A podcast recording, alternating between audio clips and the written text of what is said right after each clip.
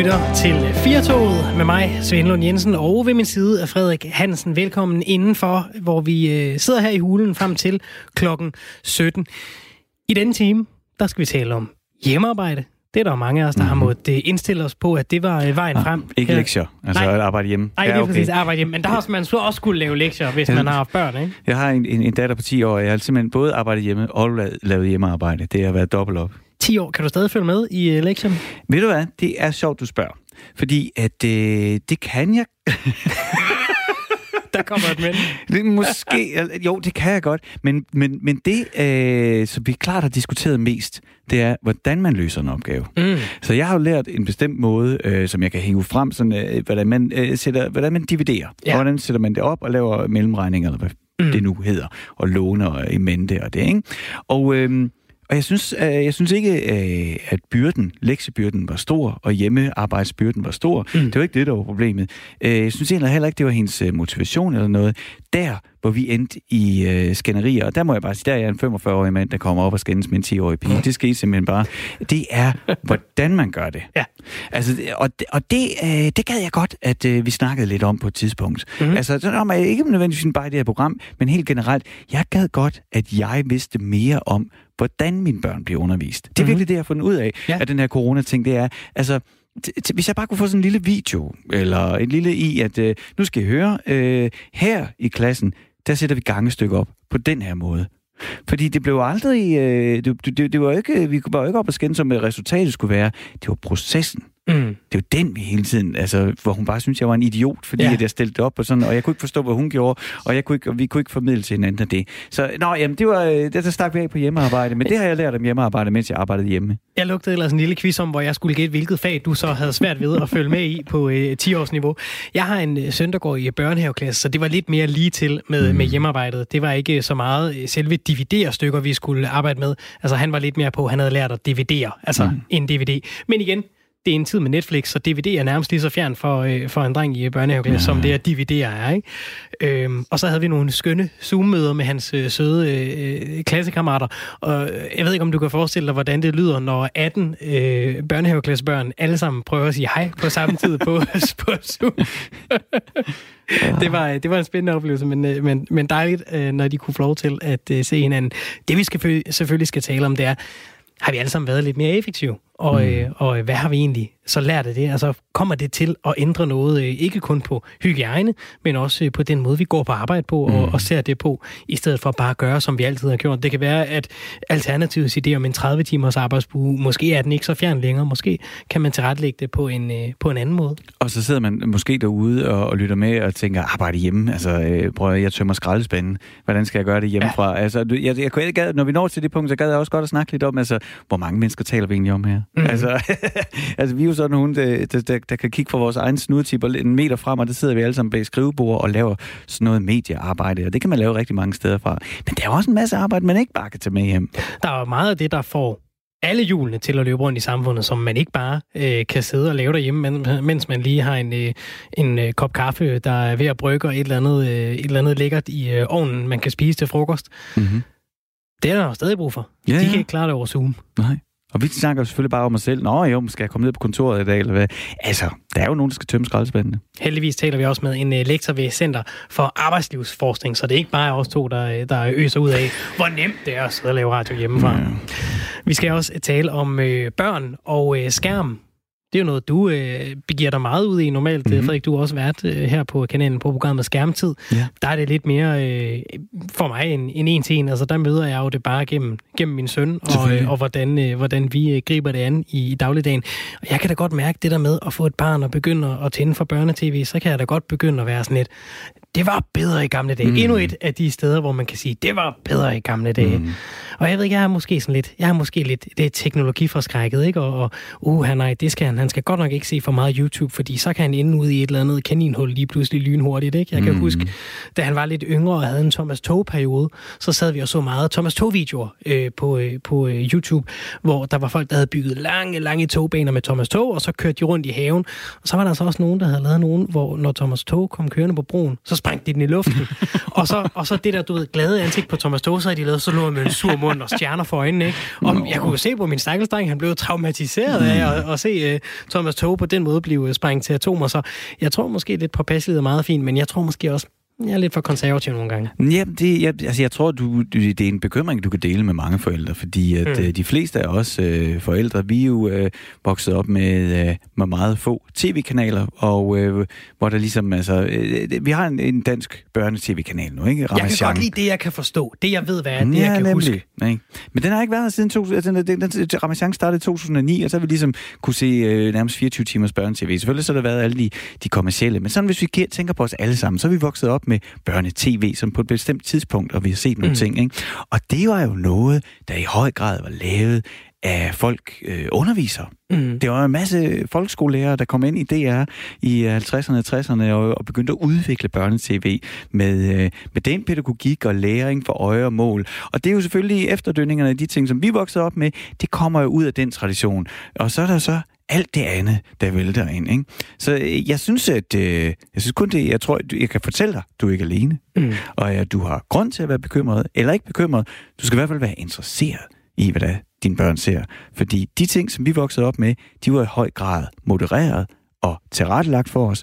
Og i dag, mm, der som du selv siger, lige pludselig så ser man uh, Thomas Stå hygge sig, og den næste øjeblik, så er han sprunget i tusind stykker, og så sidder man der traumatiseret og set noget, som på ingen måder uh, var skabt til en. Vi er her øh, hele vejen frem til øh, klokken 17. Du lytter til øh, Firtoget. Du kan øh, ringe til os 72 30 44 44, hvis du skulle få lyst til det, eller du kan også bare sende en sms på 1424. Skriv R4 og så et mellemrum, og så din besked. Vi berørte det kort her. Øh, under coronakrisen, der er mange blevet tvunget til at arbejde fra hjemmekontoret. Det har skabt debat, fordi skal der være mere hjemmearbejdstid og fleksibilitet på danske arbejdspladser? Det øh, skal vi tale med dig om. Øh, du er vores næste gæst i programmet, Peter Busk Jensen. Du er lektor ved Center for Arbejdsmarkedsforskning, Arbejdslivsforskning, undskyld, på Roskilde Universitet. Velkommen til. Ja, hej. Tak. Hvad er... Jeg vil så, jeg, nå, ja. ja, undskyld. Ja, endelig, jeg vil nej, så sige, jeg, jeg, øh, leder af en forskningsgruppe under psykologi og underviser også på arbejdsliv og, og underviser arbejdspsykologi. Ja. Tak. Så har vi øh, det formelle på plads. Peter, hvad er, hvad er fordelen ved hjemmearbejde? Og øhm, ja, en af fordelene, det er jo noget, der ligger sig i forlængelse af sådan en almen fleksibilitet, som vi har fået, og som vi, som vi er glade for øh, på mange måder, fordi den hjælper os med at bryde en masse grænser ned, som godt kan være irriterende og frustrerende. Altså grænser mellem arbejde og fritid og grænser mellem, at vi skal være, at vi skal tænke, at en aktivitet, nu skal vi ligesom tage et særligt sted hen for at lave. Nu kan vi lave den forskellige steder, og det giver selvfølgelig en masse fleksibilitet, og det gør det meget nemmere. Øhm, bare her i coronatiden har jeg jo siddet mange gange og tænkt, der er jo noget skønt over det her med, at i stedet for, når vi skal være fem, der koordinerer et møde, altså at vi bare kan og vi skal finde et tidspunkt, hvor vi kan mødes og til hende sted, så at vi bare lige skal finde tid, hvor vi har en time hver især med et hul i hverdagen. Det gør det meget nemmere, så kan man også stå og lave andre ting. Øh, og så videre. Så der giver en, en fleksibilitet og en mulighed for at integrere funktioner i ens liv og, og bringe kontekster sammen. Øh, og det, så det frigiver noget selvfølgelig noget. Det er noget tidsbesparende og ja, giver noget frihed. Det er jo nogle fordele. Øh, er det kun ja. positivt, at vi arbejder fra hjemmekontoret? Øh, nej, det, der er bestemt også en masse ting, som er værd at, at være opmærksom på, nogle risici ved det. Øhm, og nogle af de ulemper, der kan være, altså nogle af dem er, er, hvad skal man sige, er lidt svære at få øje på, fordi de er sådan nogle, man først får øje på, måske når der er gået noget tid med det. Også fordi de har en lidt mere psykologisk karakter. De er svære at måle veje på helt på samme måde som alt muligt andet. Men altså, jeg tror, mange også i den her coronatid har tænkt, hvor var det skønt de første 3-4 uger, og så måske på et tidspunkt tænkt, nu savner jeg faktisk mine kolleger. Øhm, jeg savner oplevelsen af fællesskab, og jeg savner det her med det uformelle. Altså, hvor vi har så mange møder, så bliver det også mere formelt, lige til punkt og prikke og til sagen og så videre. Men alt det der hyggelige rundt omkring det, det forsvinder. Og problemet er sådan set, øh, at i det der uformelle, mere uformelle, der sker der faktisk en masse andre interessante ting, som vi har meget brug for, at vi udvikler øh, altså bedre kendskab til hinanden. Øh, vi udvikler venskaber, og ikke mindst øh, udvikler vi øh, tillid til hinanden, som er rigtig vigtigt i forhold til at kunne løse opgaver, opgaver som er svære. men også øh, til at kunne øh, hvis vi synes, der er noget, der er svært at kunne lufte nogle af vores spørgsmål, eller spille, stille spørgsmål, søge hjælp og den slags ting, kan være svært til sådan et, et øh, hvor vi altid mødes bare, øh, og der er otte til, til mødet og så videre, og hvor man egentlig har lyst til at lige hive en til side og så videre hvis man har noget svært. Så der er, der er både det her med at, at udvikle tillid til hinanden, den her fornemmelse af fællesskab og tilhørsforhold, som er, også har rigtig stor betydning for vores arbejdsglæde og vores motivation for arbejde. Peter, jeg, kan, jeg kan i hvert fald ja. helt konkret, så kan jeg fortælle dig, at øh, jeg, jeg er en af de der, når man taler om de pressede børnefamilier. Ikke? To børn, en ja. der skal i børnehave, en der skal i skole og op og morgenmad, og der skal også være, smøres to madpakker. Og, du ja. ved, sådan et liv, øh, hvor vækkeuret det ringer 0630, og vil sige, altså fra 0630 til klokken 9, ikke? Det, er, øh, det, det er bare sådan en lang løsning af opgaver på tid under pres. Og noget af det bedste, jeg oplevede ved at gå arbejde hjemme, det var, at, øh, at, det, det, at det gav simpelthen det der med, at jeg ikke skulle gøre mig selv klar og stå på arbejdspladsen ja. klokken 9. Det gav mig sådan, ja. det har givet mig sådan en buffer om morgenen, og den har jeg sat vanvittig stor pris på. Altså, ja. Øh, det der med, at alting ikke er under pres, og at, jeg, du ved, at der er ikke nogen, der kan se på det her Zoom-møde, om jeg har bukser på eller ej. Altså, det, du har siddet med lidt ulet hår, ikke? og jeg er kommet ind, øh, det er stille og roligt få komme ind i børnehaven, rent faktisk er overskud til at sige hej og de her ting. Det der med at få det der energi til morgen, det ja. har jeg været enormt taknemmelig for. Men jeg prøver at høre, det lyder så genkendeligt. Altså, jeg, måske skal, skal jeg slet ikke sige det her radioen, men altså, det har været skønt at holde så mange vigtige møder i underhylder og med morgenhår. Altså, det, det kender jeg fuldstændig, og apropos det her med morgenen øh, og, øh, og børn, og, det, og så der er ingen udfordringer. Typisk det der med, når man er travlt, så bliver det også lidt svært, det kan gå galt. Mm. Altså, det, det har været meget mere gnidningsfrit og fredeligt og skønt. De sidste to og en halv måned, det tror jeg rigtig mange børnefamilier har opdaget. Så der er jo noget ved det, og det er jo noget tilbage til det, jeg lige talte om, at der er også noget tidsbesparende i det her. Altså, at, øh, at man, altså, man skal møde på arbejde, lige pludselig er der ikke den der transportfaktor, for eksempel. Og hvad det nu kan være. Mm. Men altså, så der er rigtig, men der er rigtig mange skønne ting, og jeg tror også, der er ting, der vil være anderledes her efter coronatiden. Øh, noget, vi har lært. Det, det eneste, jeg siger, det er, at det er ikke, det er ikke så sort og hvidt i den forstand, at det bare er ren skønhed og, og få lov til at være underdreng hele tiden det, det er jo også, øh, altså der er også nogle udfordringer, fordi noget af det, som altså jeg frygter lidt, det er, at vi netop griber de her muligheder så meget, at vi tænker, okay, nu kan de bare gøre det hele og øh, rykke det hele online. Og der, der er det, der tror jeg, at folk vil opleve, at de kommer til at slås med, hvad skal vi sige, arbejdsglæden og motivationen og meningsfuldheden, oplevelsen af det er meningsfuldt. Så det er meget det der med, at vi, altså hvad skal jeg sige, hvis man skulle give et eksempel, altså hvis man spørger soldater, når det er i krig, nu er det lidt måske lidt voldsomt, du behøver ikke være helt dramatisk, men hvis man snakker med dem, så, så kan det godt være, at de sådan umiddelbart vil sige, jamen vi slås for konge og fædreland og sådan noget, og dronning og fædreland, men, men reelt set, så er, det jo, så er det jo altid for deres kammerat lige ved siden af. Mm. Og det, det er den situation, der sker lige efter, og det, der sker lige inden. Og den der kropslige følelse af fællesskab, og det har betydning for mig lige nu her. Det er det, der motiverer os. Det er det, øh, hvis, hvis vi heller har nogle mål, og nogle fællesskaber, som egentlig bare får sådan en meget abstrakt karakter, så vil det også præge vores glæde og vores øh, fornemmelser for, hvorfor er det egentlig, jeg gør det her. Mm. Øh, og det tror jeg er rigtig vigtigt at være opmærksom på. Øh, jeg kan se det med mine studerende nu. Jeg er undskyld, men, øh, men altså, i forhold til den der coronatid, der, ja. der er den her intensiv periode, hvor de sidder og skriver projekter. Det har de gjort lige nu her. De skal aflevere lige om lidt. Og det er den periode, som alle RUG-studerende, jeg har selv øh, også været, været den periode, det er den det er den periode, der er den fede periode. Det er der, hvor man flytter sammen, og der, det bliver super spændende, man bliver super optaget, man får danner venskaber for livet og sådan noget. Og der kan jeg bare mærke med den her, hvor de sidder i hver deres stue, det er en helt anden fornemmelse, og de har lidt svære ved, hvad er det egentlig, hvorfor skal jeg egentlig sidde og tvinge mig selv til at bruge øh, 10 timer om dagen på det? Mm. Peter, du, du taler om, at, øh, at vi kommer til at have nogle, nogle ændrede øh, kultur og strukturer omkring vores arbejdsmarked efter corona. Det, det, at det er forventeligt i hvert fald, at vi kommer til at ændre på det. Vil du lige prøve at fortælle os lidt, altså hvordan er det... Øh, øh, nu er det jo naturligt. Nu, nu, er det været en, vi har, nu er vi alle sammen taget hjemmearbejdsdage, fordi vi skulle. Hvordan, hvordan blev det set på at tage hjemmearbejdsdage før coronaen?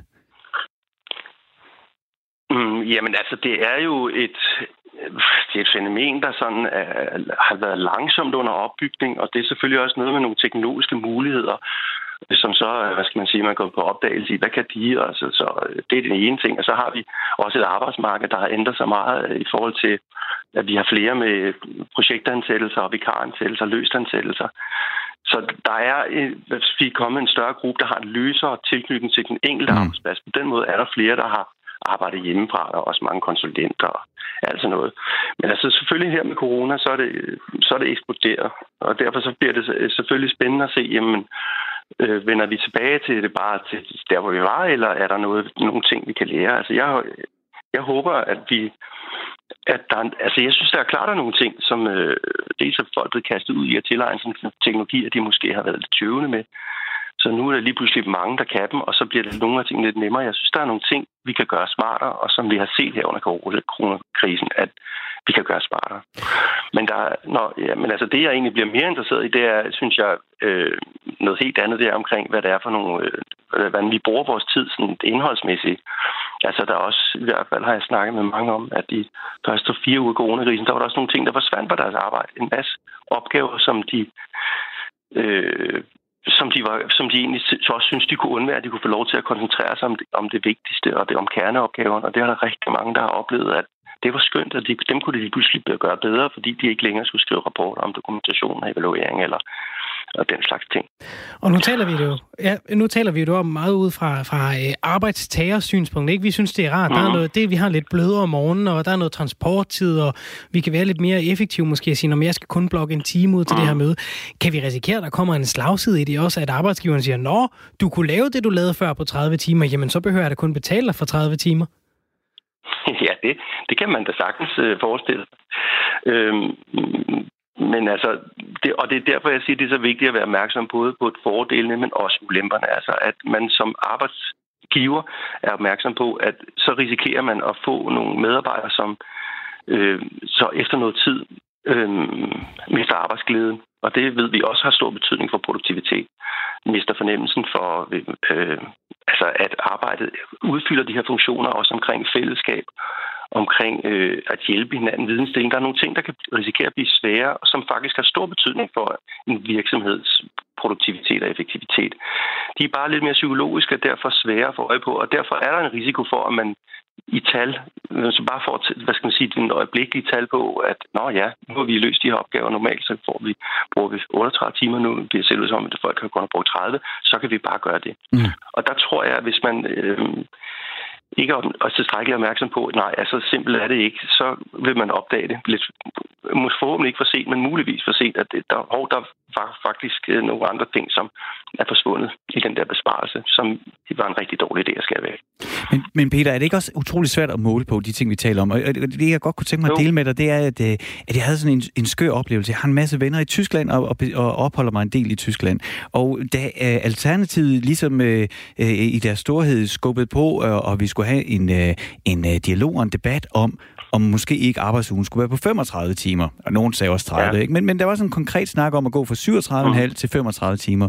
Der kunne jeg i den ene uge sidde i Danmark og høre for og imod 35 versus 37,5. Og så ugen efter, så kunne jeg gå til, øh, sidde i München og være i en, i en diskussion, hvor, det, hvor diskussionen var, at øh, arbejdsugen er 40 uger. Skal vi ikke prøve at gå ned på 37,5? Og det var de samme argumenter. Det er, vi kan da aldrig have 37,5. Det kan slet ikke lade sig gøre. Vi har et system nu, der er bygget på 40 timer om ugen. Det er det, der virker. Vi kan ikke gøre det. Er, er, er det ikke bare relativt det hele? øh, ja, jo, det er svært. Det er, jeg vil sige, der er noget relativt over det i den forstand, at det der med, at vi kan arbejde, eller vi kan måle på, hvornår vi arbejder, det er faktisk blevet vanskeligere. Lige blandt andet af de grunde, som vi lige har talt om, øh, at vi laver faktisk mange ting på en gang, og vi arbejder jo også rigtig meget uden for vores arbejdstid. Det er den ene ting. Det andet er, at det er, øh, der er også kommet nye arbejdstyper, eller typer af arbejde, hvor at man skal gå og få idéer, og så går man en tur, og så er det faktisk, der, der sker en masse, som viser sig at være super vigtigt for en virksomhed på bundlinjen senere hen. Så der, der er mange ting i det, der gør det komplekst at tale om. Men der er også en konkret side, det er, at vi faktisk i siden industrialisering har set igennem mange, mange, mange årtier en faldende kurve i forhold til, hvor mange arbejdstimer vi lagde. Øhm, altså, vi har jo været helt op på 80, og, øh, og så for 90, så er det kørt sådan nærmest lineært ned til omkring 90'erne, slutningen af 80'erne, og hvor det så lige pludselig øh, stagneret, og, og nu kan man sige, at nu har vi en tendens til at at øh, måske vil skrue op for arbejdstiden. Øh, det er i hvert fald en diskussion, der er...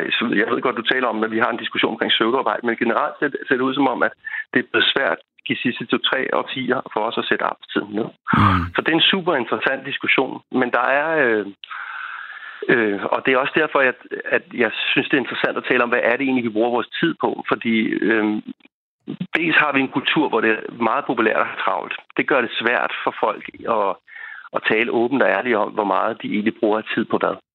Øhm, men, men derudover så øh, kan man sige, at at der er, når jeg får taget noget fra forskning, altså der, er, der, er nogle, der er en del virksomheder for tiden, der har eksperimenteret med at sætte øh, arbejdsugen ned til fire arbejdsdage. Mm. Og det har de faktisk haft stor succes med. Altså, øh, de har fastholdt produktiviteten, nogle gange øget den. Og der er også en kommune, jeg tror det er Jylland, der prøver så at rulle det ud nu, lige nu. Det har noget forskning på nede hos os øh, på RUG. Øh, det er jo super interessant. Mm. Men, men ja, så det handler jo... Det, det er en meget svær diskussion, men øh, jeg mener... Altså, jeg håber også på, at noget af det, der er sket under coronakrisen, det er, det, det er, at vi også har fået øje for, at faktisk er, ofte er hvor en stor del af vores arbejde mange steder, ikke alle steder, men en stor del af vores arbejde mange steder, er også fyldt med ting, som er sådan nice to have, i stedet for need to have. Men Peter, men det, det, ja, det, får, det får mig til, fordi vi skal, ja. vi skal langsomt til at runde af, og jeg vil så gerne lige høre dig om det her. Det er, at øh, der kunne også sidde nogen og lytte til os lige nu og tænke, hvad i alverden taler de om? Jeg skal tømme øh, 200 skraldespande om dagen. Altså, øh, hvis, jeg, hvis jeg har en mindre, øh, hvis jeg har færre timer om ugen, så, er jeg bare, så skal jeg jo løbe endnu hurtigere. At, at ja. Det vi taler om øh, med det her med hjemmearbejdsdage, det, er jo ikke, det dækker jo ikke for alle øh, på det danske arbejdsmarked. Hvor, hvor mange taler vi egentlig? Altså, hvor, hvor, hvor, hvor, hvor omfattende er det her? Oh, det har jeg ikke de helt konkrete tal på, men det er utrolig vigtigt, at du siger faktisk, fordi vi har en tendens til at tale om sådan en særlig del af arbejdsmarkedet, der er typisk dem, der minder lidt om en selv. Ikke? Mm. Men det er rigtigt, der er rigtig mange, for hvem den her diskussion er ikke specielt relevant, og de har enorme opgaver, den tager nogle tid, og, og de har ikke udfordring med, at de skal sidde og, og tage mærkelige møder osv. Men der er jo en tendens til, at, hvad skal man sige, øh, det manuelle arbejde osv., at, at mængden af mennesker, der beskæftiger med det, er faldende, og mængden af mennesker, der beskæftiger sig med det, man kan kalde vidensarbejde og servicearbejde, er stigende. Øhm, og det vil sige, øh, det er rigtigt, at diskussionen er ikke relevant for alle, men den til gengæld er den relevant for en tendens, der ser ud, altså det ser ud som om, den er relevant for flere og flere i takt med arbejdsmarkedets øjeblikkelige udvikling, eller sådan som det har været mm. de sidste årtier. Ikke? Øh, der er flere og flere af os, som øh, altså, som, arbejde, som arbejder med vidensarbejde, genererer viden eller skal håndtere information og data øh, og kommunikere osv. Og, og der, der, der er de her ting øh, relevante. Altså der, der har man øh, rigtig mange møder, øh, og der foregår rigtig meget kommunikation og arbejde. Har en, en, kommunikation fylder en stor del af det. Ikke?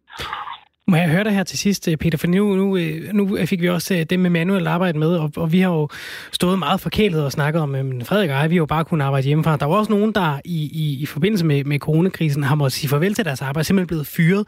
Øh, og, mm. og alle os, der har prøvet det før, hvad enten det så er et fritidsjob i gymnasiet, eller om det er i voksenlivet, det er ikke en særlig rar følelse. Kommer der til at være sådan en eller anden sort plet på en, en generation på det danske arbejdsmarked, som, som er forbitret eller forvirret, eller et eller andet? Altså, hvornår kan man Hvornår og hvordan kan man se den effekt? Altså nu er det lige præcis fremtiden er noget af det sværeste at spå om. Så det, kan, det er svært at sige så meget om. Men selvfølgelig vil det her altså være, egentlig være noget, som de fleste af os, der er det nu, kan huske tilbage på og vil kunne huske som en vild tid. Også fordi det, det er jo sådan lidt, altså hvornår har man set sådan en kæmpe radikal forandring af samfundet lige pludselig to-tre måneder. Så det vil være noget, vi kunne huske. Men jeg vil sige, der er både en positiv og negativ ting. Selvfølgelig er der et spørgsmål om, hvornår tingene bliver normale igen, og, og vi har formentlig desværre ikke set, hvor voldsomt det er indgreb i, i for eksempel i, på arbejdsmarkedet og med ledet og den slags ting, som det her kommer til at ende med. Øhm, men jeg vil sige, der er en positiv ting at sige også, det er, at vi har haft sådan en, en, en tendens i 20 år, i hvert fald, til at tale øh, om ledige, som de var nok ledige, fordi de var dogne, eller ikke gider, eller øh, ikke bare skal tage sig sammen. Og jeg vil sige, nu er der til gengæld den positive ting, at, at det, der sker nu, det også ændrer diskursen om ledige. Sådan så, at ledige måske ikke skal slås med to problemer, men kun et, netop deres ledighed. Hvor dem, der de sidste 5-10 år, der har der været en tendens til, at man både skulle slås med øh, med sin ledighed, men også at man en eller anden form for social stigmatisering, man synes, man skulle bakse med. Så det kunne være en positiv ting ved det, der sker nu, selvom det er selvfølgelig på en meget trist baggrund. Tusind tak til dig, Peter Busk Jensen, lektor ved Center for Arbejdslivsforskning på Roskilde Universitet. Tak skal du have, og velbekomme. Frederik, i øh, disse dage, der kører øh, politikken en artikelserie, hvor de kigger nærmere på børns medieforbrug og øh, kvaliteten af det. Og det er dejligt, det er en artikelserie, mm. fordi det er et emne, der kan sparke gang i en god debat, der kan rumme både videnskab, forældreskab, mavefornemmelse, nostalgi, dyb skepsis over for børn og skærme, eller det modsatte. Og vi talte i går om amerikansk fodbold, hvor, hvor du var lidt på udebane, jeg var lidt mere på hjemmebane. Her, der går jeg ind i dit hus. Du mm. er, som, som nævnt, vært på programmet Skærmtid her på kanalen. Det her, det er lige dig. Ja. Det er lige noget, du ved meget om, og det er noget, du går op i. Jamen, vi skal ind i Bamses hytte. Helt ind. Ind og sidde i lænestolen og have en skifuld honning. Vi har kigget i uh, nogle af de her artikler fra uh, politikken, hvor der både er medieforskere og hjerneforskere, der er med til at se på, hvordan vores børn bliver påvirket af deres uh, medieforbrug og, og kvaliteten af det medieforbrug. Og så har politikken haft stopuret fremme. De har nemlig talt, hvor langt der er mellem klippene i populære børnetv-serier.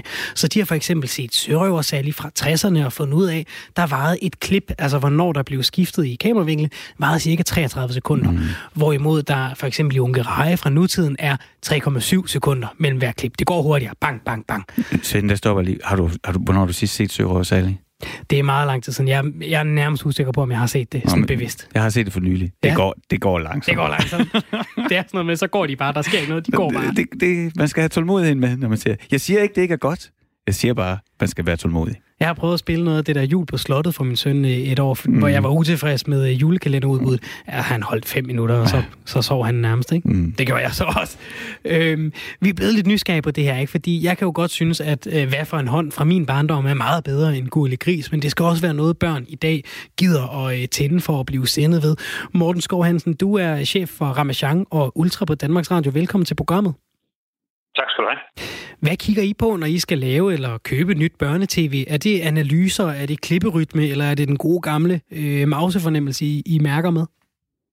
Øh, jamen, dem du nævner, og så kan man sige, og, og mange flere ting. Altså selvfølgelig kigger vi, øh, analyserer vi og evaluerer vi det indhold, der har været. Øh, vi bruger jo også vores, vores faglighed eller, og den mavefornemmelse, som vi også har i forhold til at arbejde med børn-tv i lang tid. Vi kigger også på klipperytme, vi kigger også på genre, og så tror jeg allervigtigst alt, så, så kigger vi også og taler også med rigtig mange børn omkring deres, deres medieforbrug. Og jeg tror noget af det, der adskiller det er for rigtig mange andre, er, at vi laver rigtig mange workshops sammen med ungerne, når vi udvikler nyt indhold, for at finde ud af, hvad er det, der er vigtigt for dem, øh, og hvad det, de synes, der er interessant. Nogle gange så vil jeg gerne se en dokumentar og lære noget. Andre gange så vil jeg godt se Too Hot to Handle på Netflix om voksne mennesker, der ikke må kysse hinanden, fordi ellers koster det dem penge af en præmiesum. Hvordan rammer I balancen mellem det her opbyggelige børnetv, som vi har en, en stolt tradition for herhjemme, for eksempel her skæg, hvis vi taler i nutidig kontekst, øh, og de lidt mere tomme kalorier, som måske Paw Patrol er?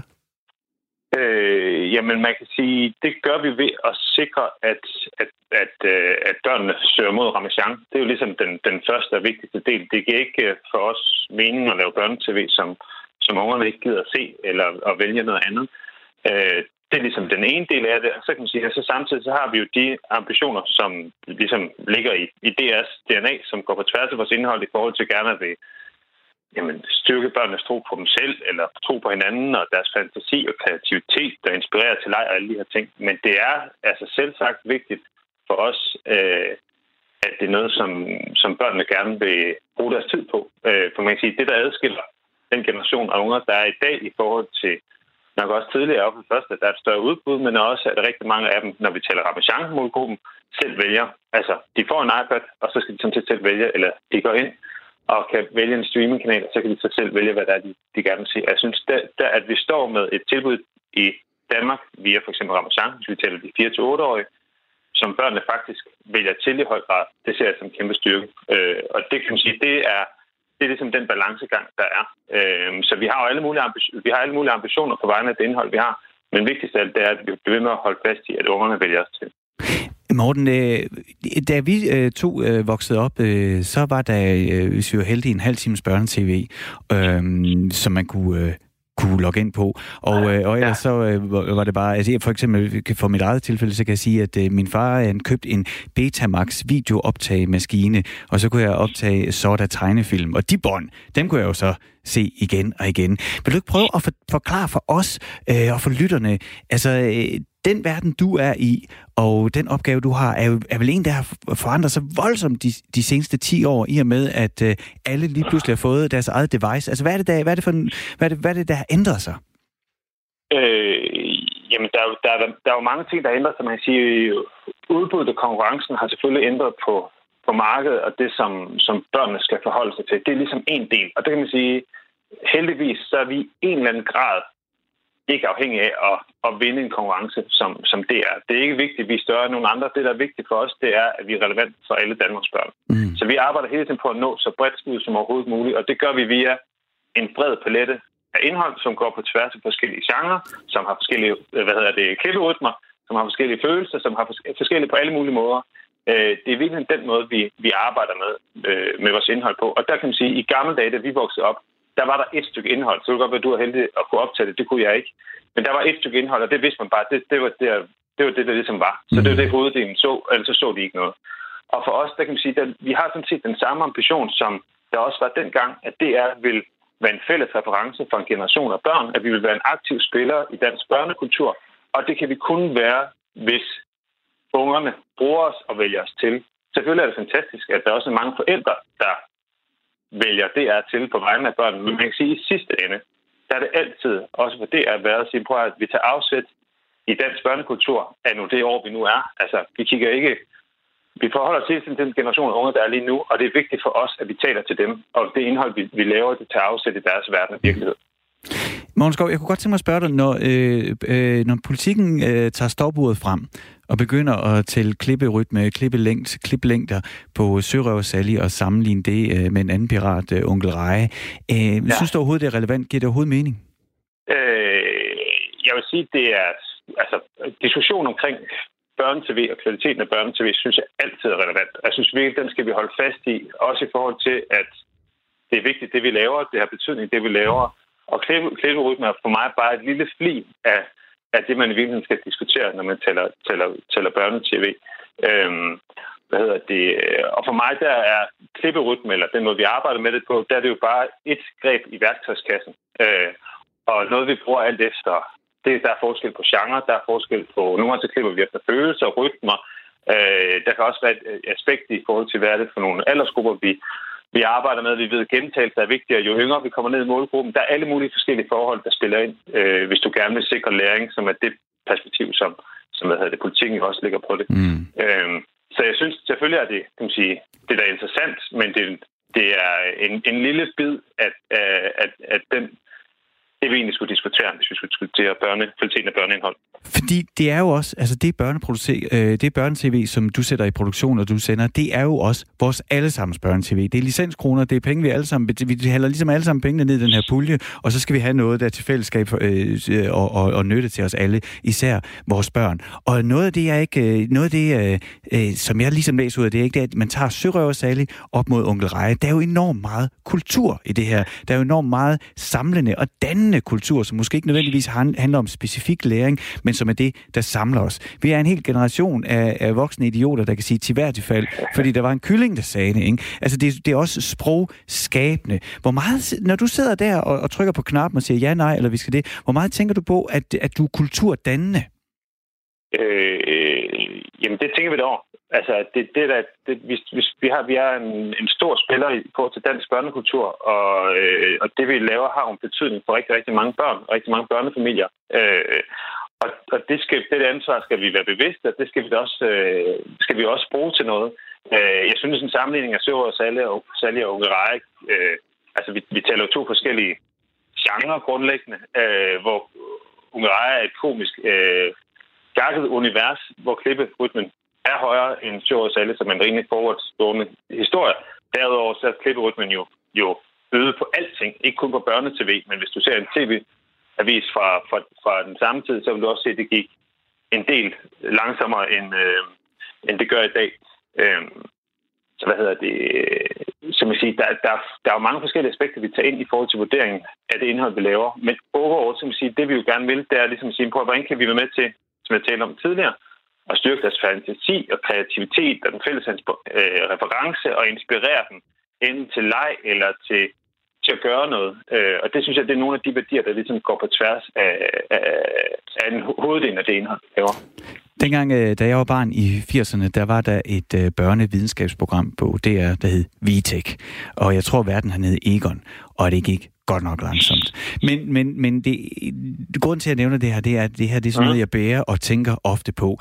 Han øh, lavede forskellige eksperimenter, men det her, det er mit stærkeste tv-minde overhovedet. Han tog en rose, og så puttede han ned i sådan noget flydende kvælstof.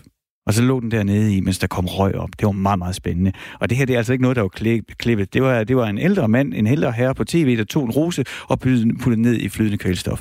Så tog han den op, lagde den på bordet, tog en hammer, og så kunne han knuse den, fordi den var, altså, det, det, så, altså, det var jo frosset.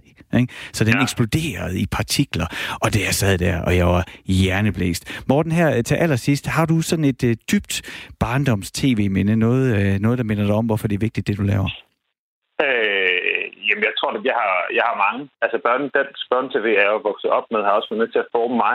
Men sige, noget af det, som øh, i hvert fald, når, når vi er tilbage i de der, kan man sige, altså, grundlæggende, så det for mig er jo det, der også har med til at inspirere nye sæsoner af, af nørd. Øh, det, der fylder rigtig meget i min tidlige barndom, det var Jørgen Klevin. Og der kan man sige, at Jørgen Klevin i hvert fald, den ambition, han havde om at inspirere børnene til kreativitet i et usædvanligt langsomt tempo, hvor alle kunne være med. Øh, det synes jeg er mange af de værdier, vi grundlæggende har taget med ind i mini-AGP, hvor vi får øh, unger rundt omkring i Danmark til at lave øh, toiletruller, eller rullinger, som vi kalder dem, sådan med limpistoler omkring øh, spisebordet eller nede i institutionen. Øh, og når vi så modtager hver sæson, når vi kører det, så modtager vi omkring 25.000 af de her små rullinger sendt ind til DR. Og så er der alle de rullinger, der ligger hjemme på hylderne eller under, under sengen, eller hvad det nu gør det er i hvert fald for mig en indikation af, at, at vores børnetv kan mere og vil mere end bare at underholde eller bruge børnenes tid til ingenting. Jeg mm. synes, vi, vi holder fast i nogle af de værdier, som handler omkring fascination og inspiration, som du også selv peger på. Og der kan, vi i hvert fald, øh, der kan jeg i hvert fald bekræfte at I, at I har fået ændret toiletkulturen hjemme øh, i, i Stusgade, hvor jeg bor, fordi der må man simpelthen ikke smide toiletruller ud mere. Så står min søn klar med hammeren, og så får man skæld ud, hvis han har fået den. Så det, det, der, der, der er et bjerg af toiletruller. Vi er i hvert fald ja. nogle af dem, der bidrager til de 25.000.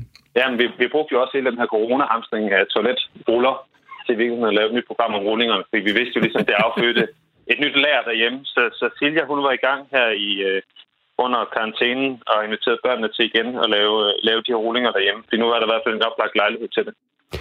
Tusind tak, Morten Skov Hansen, chef for Ramachan og øh, Ultra på øh, Danmarks Radio, for at tale lidt øh, med os om den måde, I laver børnetv på i 2020.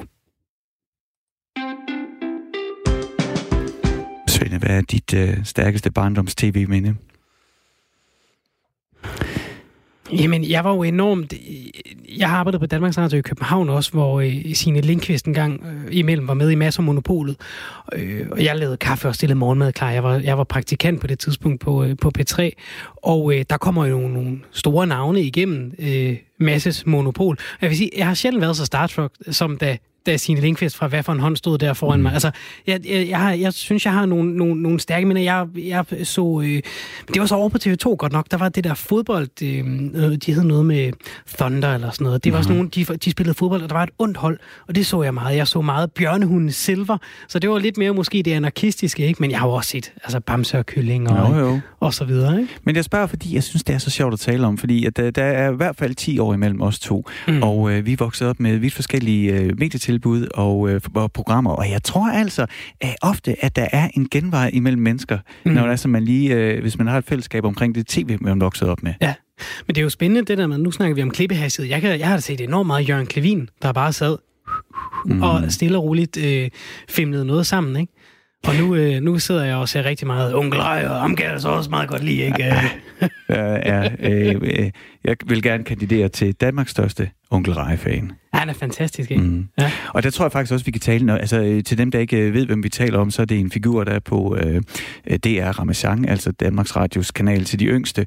Og han, øh, synes jeg, øh, på mange måder, vi har jo talt om øh, grundlov, det er grundlovsdag mm. i dag, vi har talt om, hvad er det, der samler os, hvad er danskheden, og mm. det, det er måske lidt udefinerbart, hvad det i virkeligheden samler os. Men jeg tror, noget af det, jeg oplever, i hvert fald også, når jeg rejser ud og møder, det er, at, at vi har det var jo os, der lavede de der Mohammed-tegninger. Vi har mm. behov for, øh, selvom vi kan føle, at vi er stille, så brænder vi lidt op, og, øh, og har, føler, at vi har retten til at sige alt.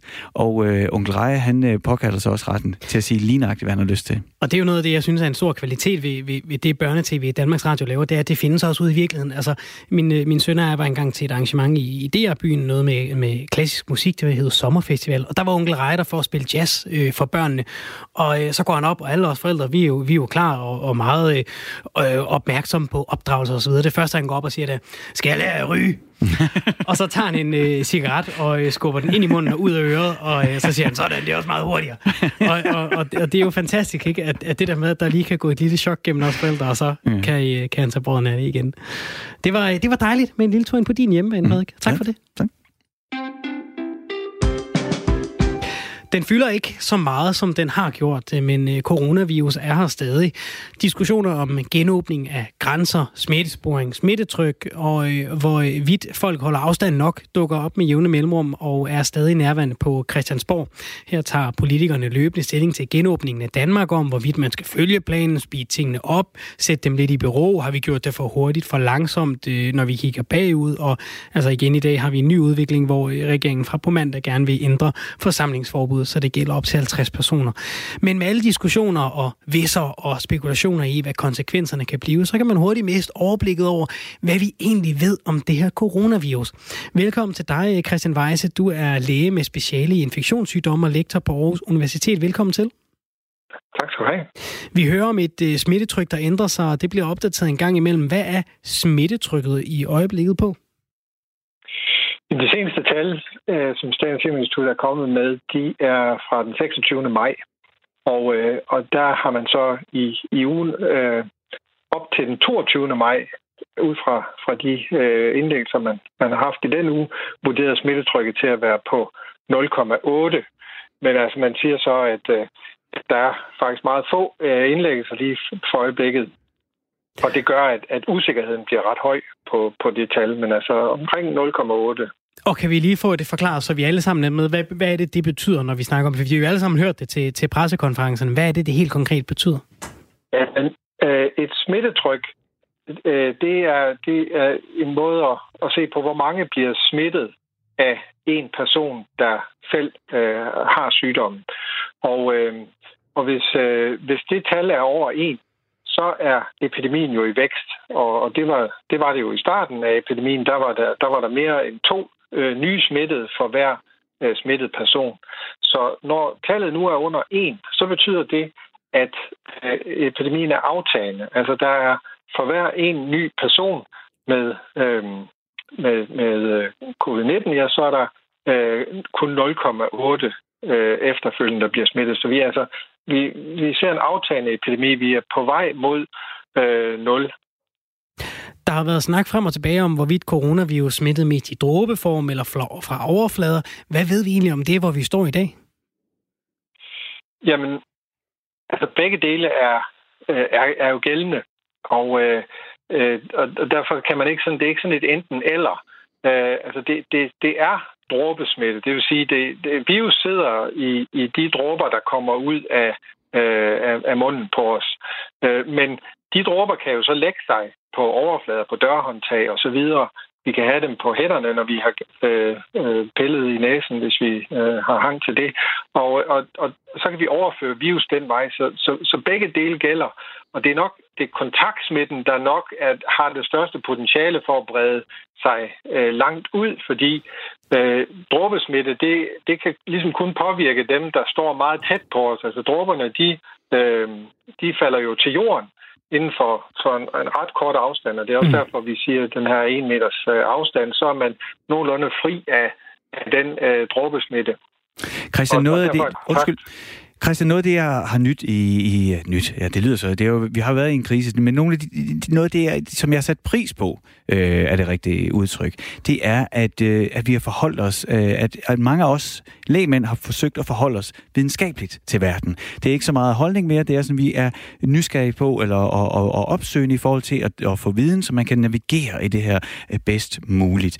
Øh, men samtidig så synes jeg også, at jeg oplever nu netop, at øh, der bliver åbnet op, og vi bliver mere og mere afslappet, Øh, jeg havde sådan en sjov oplevelse, hvor jeg tog tog i Tyskland. Der sad jeg med maske. I det øjeblik, vi kørte over grænsen med Paddenborg, der tog alle maskerne af. Øh, så der er også nogle ting, hvor, hvor, vi, hvor der, er, der er evidensbaseret, men hvor der er også nogle ting, der er nogle holdningsbaseret. Alt det har vi navigeret i. Det jeg er rigtig nysgerrig på lige nu, Christian, og det er måske et øh, helt øh, umuligt for bredt spørgsmål, men vi ved så meget, men hvad ved vi ikke? Øh, ja, altså, der, der er jo mange ting, som, som vi ikke øh, øh, ved rigtig meget om. Øh, og noget af det, som jeg personligt synes, er, jeg kunne være mest interesseret i at vide, som jeg tror får, får meget stor betydning for, for det fremtidige forløb, det er, hvor, øh, hvor varig er immunitet. Altså nu mener det er ret veletableret, at, at de fleste øh, danner antistoffer efter at have haft coronavirus, øhm, og, og det, det kan vi øh, måle på, og, øh, og, og der regner vi med, at de antistoffer, de, de giver også en, helt, en, en beskyttelse. Men om den beskyttelse, den er lige så lang, som den er ved, øh, ved, ved øh, fætter- og kusinesygdommene MERS og SARS, eller øh, om den kun er øh, meget kortvarig, som ved, ved de coronavirus, der giver forkølelse. Det ved vi ikke. Og det tror jeg kommer til at betyde rigtig meget for, om øh, vi får en, en, en ny stor øh, bølge, øh, øh, måske øh, allerede til vinter eller, eller om et år. Øh, mens hvis vi har en, en stor, langvarig grad af, af beskyttelse, ja, så, øh, så tror jeg, at vi kommer til at se øh, det, er lidt sjældnere. Sidst vi talte med dig her i øh, Firtoget, Christian Weisse, der talte vi om øh, smittesporing i Danmark. Det var da man indførte de her vogne, der kørte rundt og testede.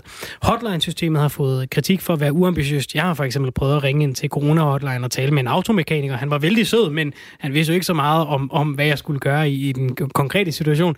Der har også været en historie i den her uge om en rektor ved et øh, gymnasium, der har selv har måttet sørge for smittesporing, da en række elever havde været i Sverige i Kristi Himmelfartsferien. Hvor står Danmark på, på smittesporingsfronten, krigen i øjeblikket? Jamen, jeg synes, de historier, du fortæller der, de viser da meget godt, hvor vi står. Altså, og hotline har også været ude at sige, øh, bede folk om ikke nok, de vil være så søde at ringe, fordi det gør de ikke. At de bare sige, det, det duer ikke, det er en ommer. Altså, ja, vi skal bare være rigtig glade for, at den her epidemi, den, øh, den falder lige så stille af sig selv og med de øh, øvrige tiltag, der, der er gjort. Øh, det, smitteopsporing, det, det, øh, det, det kan man ikke rigtig kalde det. Øh, altså det blev ellers lanceret som, at nu skulle vi have en effektiv smitteopsporing, og, og det, det er det simpelthen ikke, det vi har. Det synes jeg, det er ærgerligt, fordi øh, jeg tror, at det kunne øh, gøre, at vi kunne åbne endnu mere op. Altså hvis vi fik lukket alle de smittekæder, hvis vi aggressivt sporede hver eneste kontakt øh, til, til de, de der nye, der tester positivt, ja, så kunne vi jo øh, simpelthen øh, få, få lukket det ned, og så kunne vi måske komme til at åbne meget mere op. Altså i stedet bruger vi al vores krudt på at diskutere, kan vi åbne det op, kan vi åbne det op, øh, og, og hvad er risikoen ved det? Øh, og og der, det, det, det synes jeg bare, det, det, det er synd og skam, at vi ikke øh, er bedre på smitteopsporingsfronten. Kunne du også have hjulpet sådan en som dig med at blive klogere og hurtigere på, hvad, hvad det er for et bæst, vi står med? Altså, med, med, med mere smitteopsporing? Ja. Altså, jamen, det, det kan det. Øh, øh, altså, især hvis vi ja, øh, fik samlet gode data på det, altså, så, så vil vi øh, blive rigtig meget klogere. Men det er der nu også efterhånden en del øh, studier på. Altså, øh, øh, for eksempel øh, fra, fra de her krydstogsskibe, øh, det var jo øh, nogle af dem, der, der har været med til at, at, at lære os om, hvor meget øh, det egentlig kan smitte, hvis man ligesom er i et lille øh, øh lukket miljø. Og, øh, øh, og det, altså, det, vil, det vil helt klart være en god idé, hvis vi kunne, øh, vi kunne få den type data, hvor vi, øh, hvor vi har nogle, nogle tydelige smittekæder, og vi kan spore det tilbage.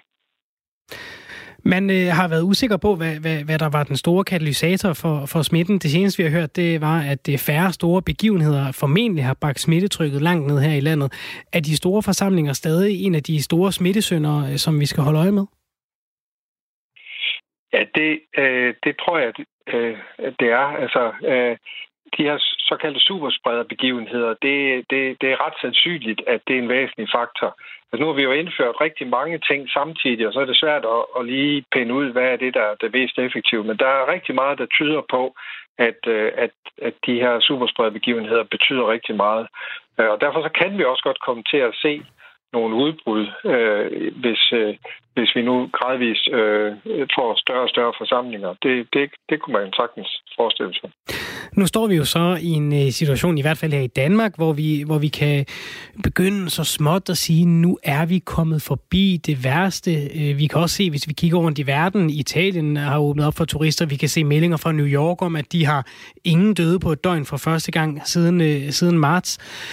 Når vi kigger tilbage på, på, på coronakrisen og virusen nu, har den så levet op til din frygt? Har den været mere alvorlig, mindre alvorlig, end, end du først antog for nogle måneder siden?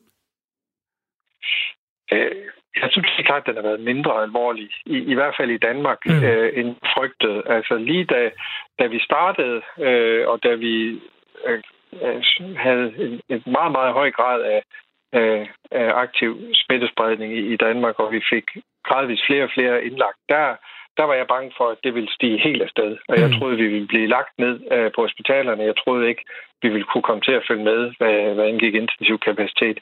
Øh, og det må jeg bare sige, det, øh, det, den, den frygt har ikke været berettiget, heldigvis. Hvad kan vi sige om, hvis vi kigger, det er jo altid det, der er svært, at, at kigge i krystalkuglen og sige, hvad der kommer til at ske i fremtiden. Er vi klogere på det der med, kommer den tilbage til vinter? Bliver det her sådan en årligt tilbagevendende begivenhed? Øh, er det en ny mutation, vi skal, vi skal øh, frygte til næste år? Hvad ved vi, hvis vi, hvis vi prøver at skue lidt ud i fremtiden?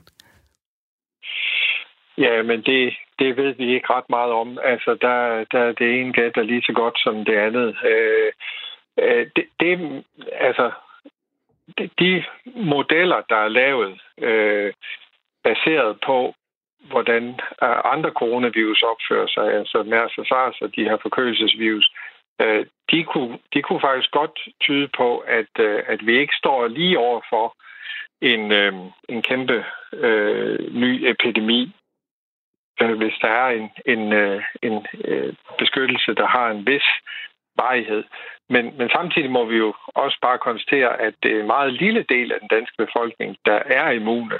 Øh, og derfor er det jo øh, ikke sikkert, at det kommer til at få øh, øh, ret meget betydning. Altså, at vi, vi kan risikere en, en ny, øh, meget stor øh, smittespredning, og det, øh, øh det, det, det tror jeg, det, det er meget svært at, at spå om, om det, det går den ene eller den anden vej. Men nu ved vi jo i hvert fald, hvad det er, der skal til for at, øh, at, øh, at komme øh, virus til, øh, ja, ikke, ikke til livs, det er vi ikke kommet endnu, men i hvert fald at, at, at dæmme op for en massiv smittespredning, det, det, har, det har jo virket, de tiltag, vi har haft. Men, øh, men altså, vi, vi øh, kommer til at, og, øh, og, og se ind i mange forskellige typer af scenarier, alt efter også, øh, hvor gode er de behandlinger, der er på vej. efter der øh, remdesivir øh, medicin øh, som en, en sådan mulig kandidat, der øh, er antistoffer, øh, som man kan give.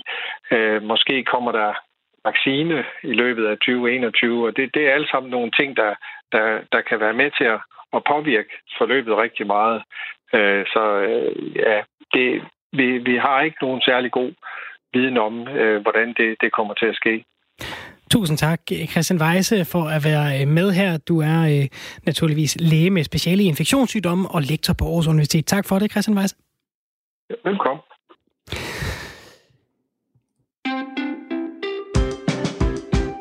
Det er fredag. Vi er øh, så småt øh, ved at øh, brage ind i, hvad der for mange er en lang weekend. Mm-hmm. Tak for den her uge. Tak for det, Frederik. Det har været en fornøjelse. Det har været hyggeligt, og øh, jeg har simpelthen sørget for, at der er øl i køleskabet. Nej, mm, og igen ligesom med grundlovskvisten, det er kun, det er kun til mig. Øv, øv. du har vundet dem alle sammen. Fem point. Vi er blevet klogere. Ja. Det, det var jo også meningen. Nogen vil måske øh, mene, at vi har gjort dem dummere, men jeg tror, jeg tror vi har gjort det godt. Jeg, jeg, jeg har i hvert fald lært nogle ting, og jeg vil sige, øh, noget af det, jeg godt kan lide, og rigtig godt kunne lide at, at, at lave den, øh, programmet med dig i den her uge, det er, at hver dag, så har jeg haft en lille bitte ting, jeg lå, og lille bitte ting, også en kæmpe stor ting, som jeg har ligget i min seng, og, øh, og så er den sat fast. Mm. Altså, øh, vi har snakket en del om racisme i den her uge, og i dag, ikke, øh, der har jeg fået et andet indblik i øh, fejringen af vores grundlov. Ja. Du ved, altså, jeg var bare sådan, jeg gik bare ud fra, jamen grundlov, det er godt. Det er mm. bare all good, det er demokrati, det er det hele. Så er det bare sådan en lille smule sparet, og, øh, og jeg kan godt lide den her tanke om, at vi har sådan 170 års kollektiv erindring, der ligesom farver hvordan vi tænker om grundloven. Og vi talte jo i går med Brian, der øh, har lavet den her Facebook-gruppe, øh, os danskere, der ikke støtter Inger Støjberg, som er over, jeg tror det er over 135.000 og meldt sig ind i den.